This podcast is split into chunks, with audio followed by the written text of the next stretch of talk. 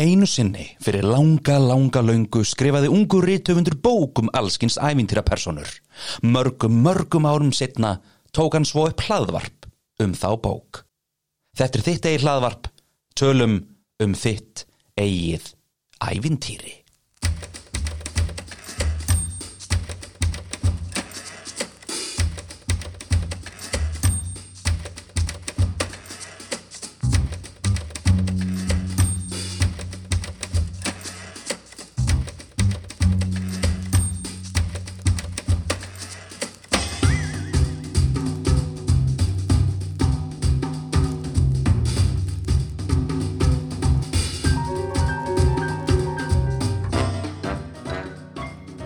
Aftan á bókakápu stendur, bók sem virkar eins og tölvuleikur því þú ræður hvað gerist.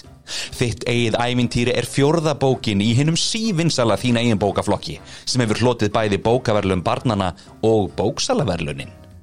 Þitt eigið ævintýri er öðruvís en aðrar bækur. Hér er þú söguhetjan og ræður ferðinni. Sögusviðið er stór hættulegur ævintýraskóur, stútfullur af förðuverum og óvættum. Muntu enda í úlfsmaga eða lætur þú glepjast af gyrnilegu piparkukuhúsi? Viltu klifra upp risastóra baunagrassið eða nær þyrnigerðið að krækja í þig? Þitt er valið.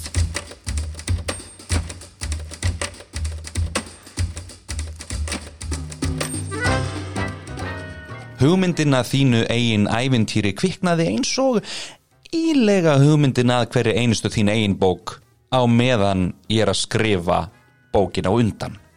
Þegar ég var um það byl hálnaður með þína eigin hrollveikju, hugsaði ég með mér þitt eigið. Þetta er ekkit flókið. Það liggur beinast við. Grimsbræður voru nú þegar búinir að kíkja í þín eigin bækurnar, þeir eru uppvakningar í þinn eigin þjóðsögu og ég er mikill aðdándi þeirra. Fyrir þá sem vita ekki eru Grimsbræður Jakob og Vilhelm Grimm sem söpnuðu saman allskins þjóðsögum og ævintýrum og gáfu út í bók. Sögurnar hafa auðvitað þróast og breyst í gegnum árin. Upphaflega voru þar flestar samdar til þess að vara fólk við og láta það læra einhverja leksíu.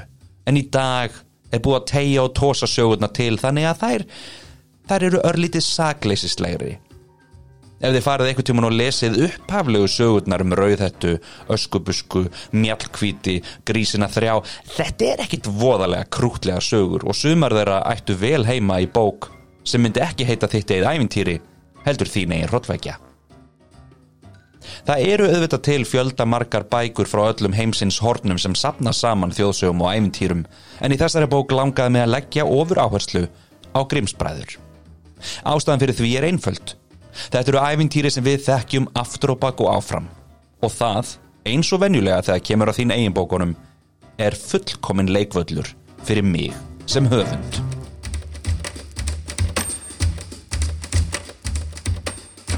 Oft má draga beina línu á milli bóka sem maður les þegar maður er lítill og bóka sem maður skrifa sjálfur þegar maður er orðin stór. Þannig er það nákvæmlega með þitt eigið ævintýri. Þegar ég var lítill elskaði ég leikritið og bókina um skilabóðaskjóðuna.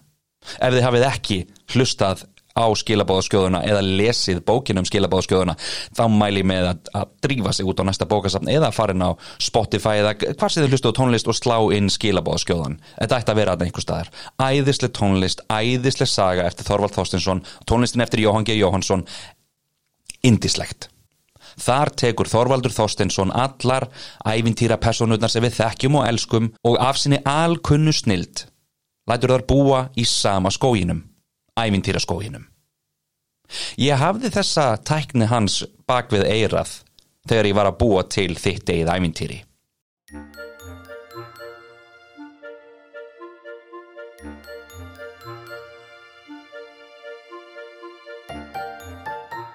Um leið og ég settist niður og byrjaði að stúdera ævintýrin komu allskinn spurningar upp í kollin á mér. eins og til dæmis, Úlfurinn í grísónum þremur er hann sami Úlfur og reynir að geta rauðhettu.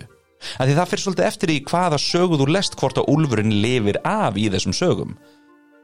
Hvað með nornirnar sem eru hér og þar? Er þetta allt saman sama nornin? Eru þar systur? Eru þar skildar? Eða eru þar vinkonur? Eða eru þar kannski óvinkonur? Og hvað með piparkökuhúsið? Ef ein norn getur bakað eitt piparkökuhús, hvað gerist ef margar nornir ákveða að búa saman? Ég leit líka á þessa bók sem kjöri tækifæri til þess að svara ímsum spurningum sem höfðu blundað í höfðun á mér frá því að ég var lítill, eins og til dæmis þegar rauð þetta sér úlfin í fyrsta skiptið upp í rúmi ömmu sinnar, hvernig óskopunum stendur á því að hún sjá ekki að þetta sé úlfur? Ég meina hann hendi sér bara í náttúfa og kjól það þarf nú aðeins meira til til að líta út eins og amma, eða það ekki? Og hvernig líður manni eigilega ef maður lendir í því að vera bakaður lifandi.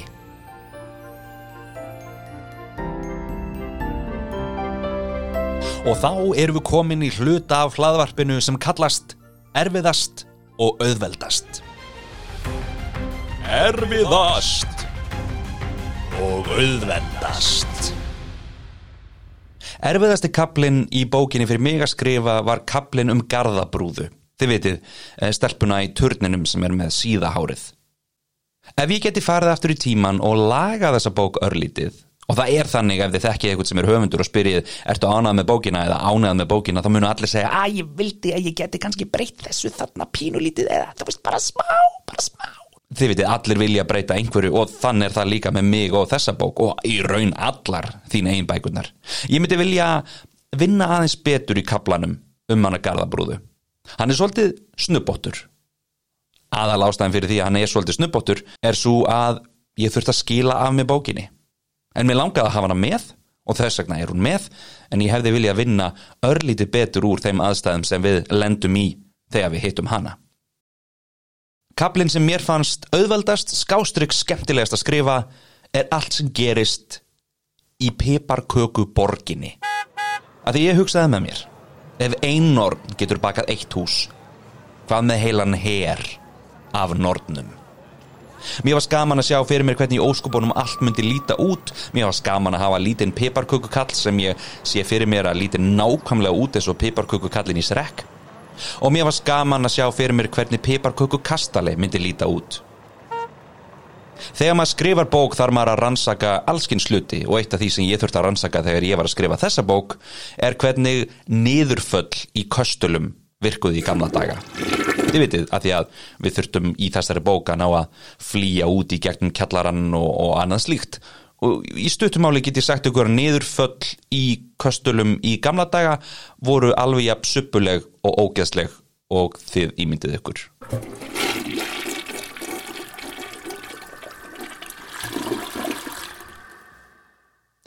Eitt af því sem gerir þín eigin bækurnar ofunnilegar er það að þær fjalla allar um þig Þú ert aðalpersonan, þú ræður hvað gerist.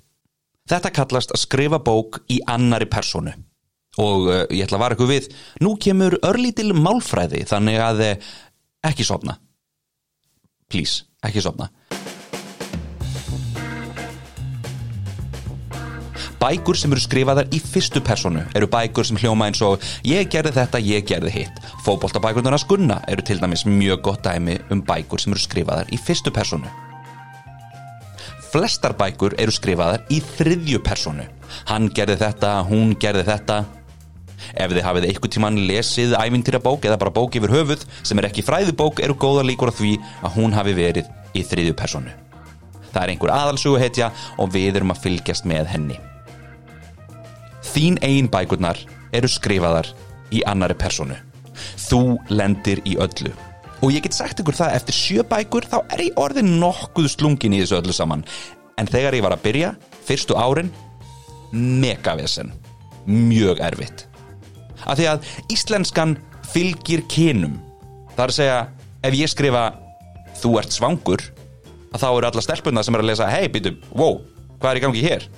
og ef ég myndi skrifa þú ert svöng þá myndu allir strákætt að segja hey, wow, wow, wow, hvað er í gangi hérna það kipir manni út úr sögunni þannig að ég hef reynd eftir fremsta megni og það tekst ekki alltaf. Það er stundum auka en þú ert kominn eða eitthvað svo leiðis kannski á einum til tveimur stöðum í hverri bók allavega að byrja með en ég hef reynd eftir mesta megni að passa að þetta gerist ekki. Og það þýðir að ég hef oft þurft að fara í smá málfræði fimmleika sem stundum kosta fleiri orð en ég myndi annars nota. Þannig til dæmis í staðin fyrir að segja þú ert svöng eða þú ert svangur myndi ég segja hungrið er að æra þig. Og við getum öll viðurkjent að það hljómar mjög fræðilega og fagmannlega. Ég meina mér finnst að ég að fá íslensku bókmæntavælunin bara fyrir þessa setningu sem ég var að segja hérna rétt aðan ég vil nota takkifærið og þakka mömmu. Takk, takk fyrir, takk, takk, takk, takk, takk. Nei, nei, nei, nei, setjast niður, setjast niður setjast niður, hætti þessu. Viklis er þetta, hætti þessu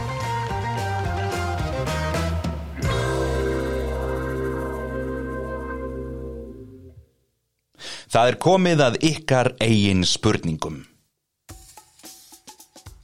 Bríett Krista Sigþórsdóttir sendir inn þrjár spurningar. Svo fyrsta er þessi. Hvað varstu gamall þegar þú ákvaðst að verða rithöfundur? Þetta er góð spurning. Mér hefur alltaf þótt gaman að segja sögur. Þegar ég var lítill var ég alltaf að segja brandara sem er í raun og veru bara stuttar sögur og núna þegar ég er orðin eldri þá eru sögurna bara búin að lengjast. Ég var alltaf að skrifa niður sögur sem voru samt ekkit endilega frumsandar sögur heldur kannski bara eitthvað sem ég sá í sjónvarpinu eða eiginlega alveg eins og eitthvað sem ég var að lesa. En þannig byrjaði ég. Mér fannst alltaf eitthvað ólýsanlega gaman við það að fylla blaðsíðu af texta. Bríett Krista spyr líka varstu með fyrirmynd sem krakki og ef svo er, hver er eða var hann?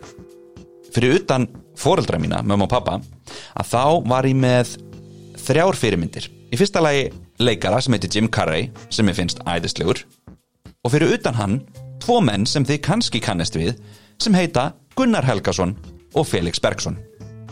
Þegar ég var lítill voru Gunni og Felix með stundina okkar.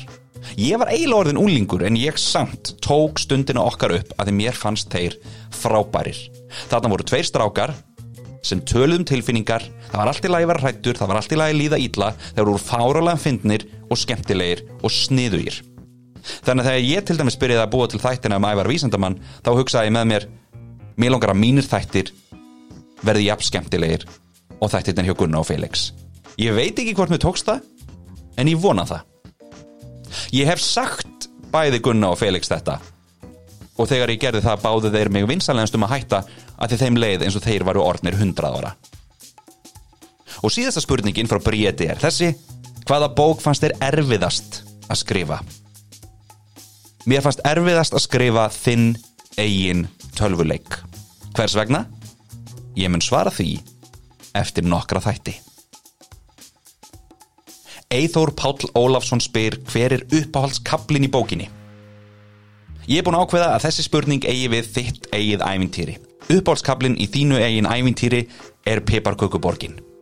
Af því að það var svo ótrúlega gaman að skrifa þann kabla. Sara spyr um hvaða personur finnst það skemmtilegast að skrifa. Mér þykir skemmtilegast að skrifa um personur sem eru góðar með sig. Ég á mjög auðvelt með að láta svoleiðis personur tala.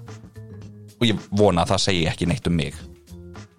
Hún stingur líka upp á hugmyndað bók, þinni eigin grísku góðsugu.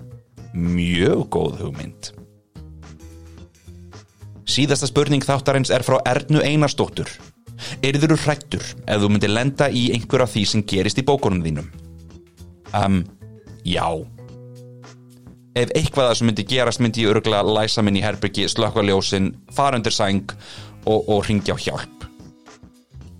Þetta er aðal ástæðan fyrir því að sögurnar fjall ekki um þig og Ævar Þór, að því Ævar Þór er þið bara eftir heima.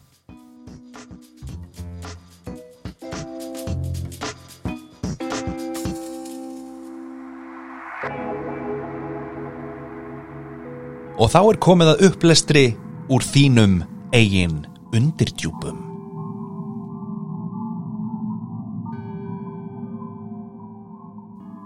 Nú er komið að því. Loksins. Eftir þrjá daga á bólakafi eru þið rétt utan við hafsvæðið sem kallað hefur verið Bermuda þrýhyrningurinn. Sæþór svaf ekki í nótt fyrir spenningi. Myndavélar fylla salin þar sem glerkúbullin er og vísa í allar áttir. Sumar er á gólfinu, aðrar hanga úr loftinu og enn aðrar standa á sérhönnuðum þrýfótum sem Sæþór segir að séu bestu þrýfætur í bransanum. Úr títani, hafðan hrópað, hverjar krónu virði, óbrjótanlegir. Sjálfur hefur Sæþór komið einni myndavil fyrir á ennin á sér og annari á bringunni. Hann, eins og áður sagði, vill ekki missa af neinu. Þið siglið hægt inn í þrýhyrningin. Kafbáturinn er stiltur á sjálfstýringu sem þýðir að hann siglir hægt en öruglega beint áfram. Þið Sæþór og profesor Alda standið undir glerkúplinum og horfið í kringum ykkur. Meira segja Hafdís hefur látið sjá sig. Hún stendur þung á svip í dyragettinni. Profesor Alda heldur á glósubók og penna tilbúin að skrifa niður allt merkilegt sem fyrir augu hennar ber og hún vissi ekki nú þegar. En sem komið er, stendur ekkert í bókinni. Öðvitað. Sæþór skýst á milli myndavela, passar að þær séu allar að taka upp og kíkir reglulega á stjórnborðið. Jæja, hrópar hann spentur. Nú gerist það, við syklum yfir línuna og erum tæknilega séð, komin inn í þrýhyrningin. Þú lítur á öldu og hafdísi sem eru vissulega áhuga samar en þó ekki nærði einn spentar og sæþór. Hann kemur sér fyrir við stýrið, passar að allavega tveimur myndavélum sé beint að sér og horfir innbeittur framfyrir sig. Koma svo, kvíslar hann millir saman bitir að tanna, síndu okkur hvað þú getur. Þið siglið áfram, dýbra, lengra. Bermúta þrýhyrningurinn gleipir ykkur.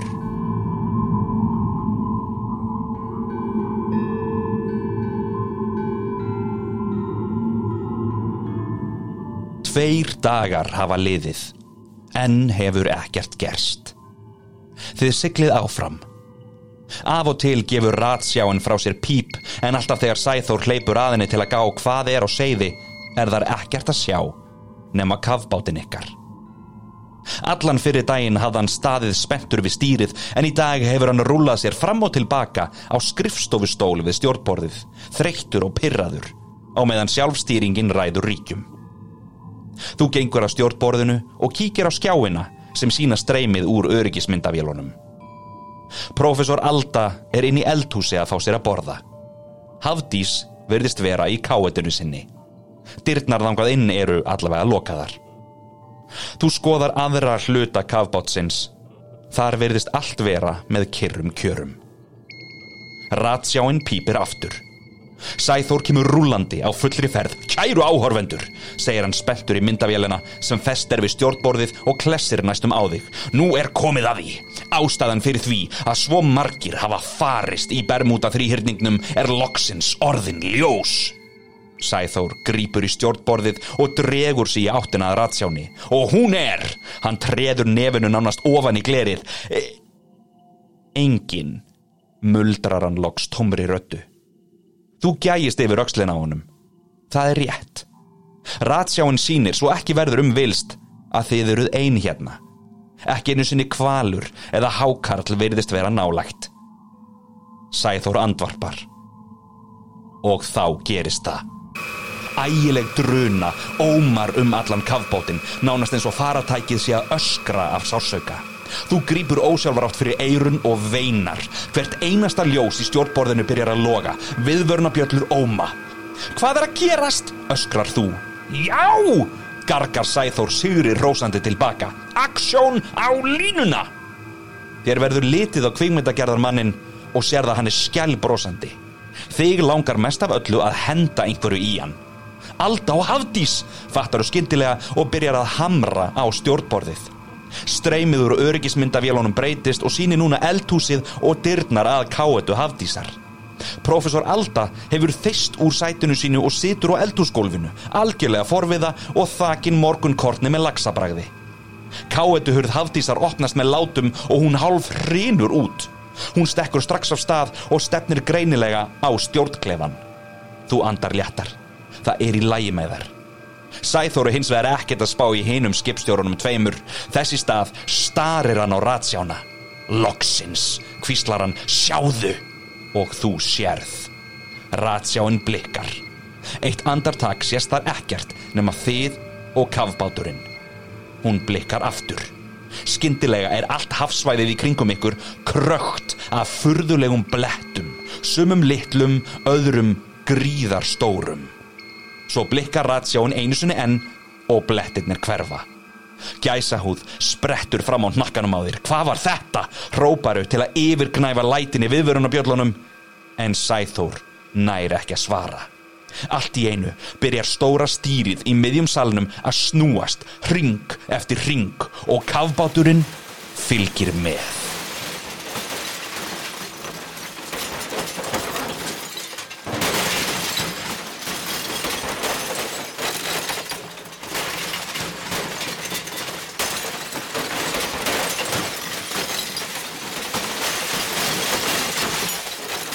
Kæru vinir, þættinum er að ljúka. Takk fyrir að hlusta. Ef þið viljið senda spurningar inn í þáttin getið þið farið inn á ævarþór.com og þetta er alþjóðlega stafsendingin a-e-v-a-r-t-h-o-r.com og send mér skilabóð þaðan. Við heyrumst í næsta þætti. Farið vel með ykkur og eh, lesið eitthvað skemmtilegt.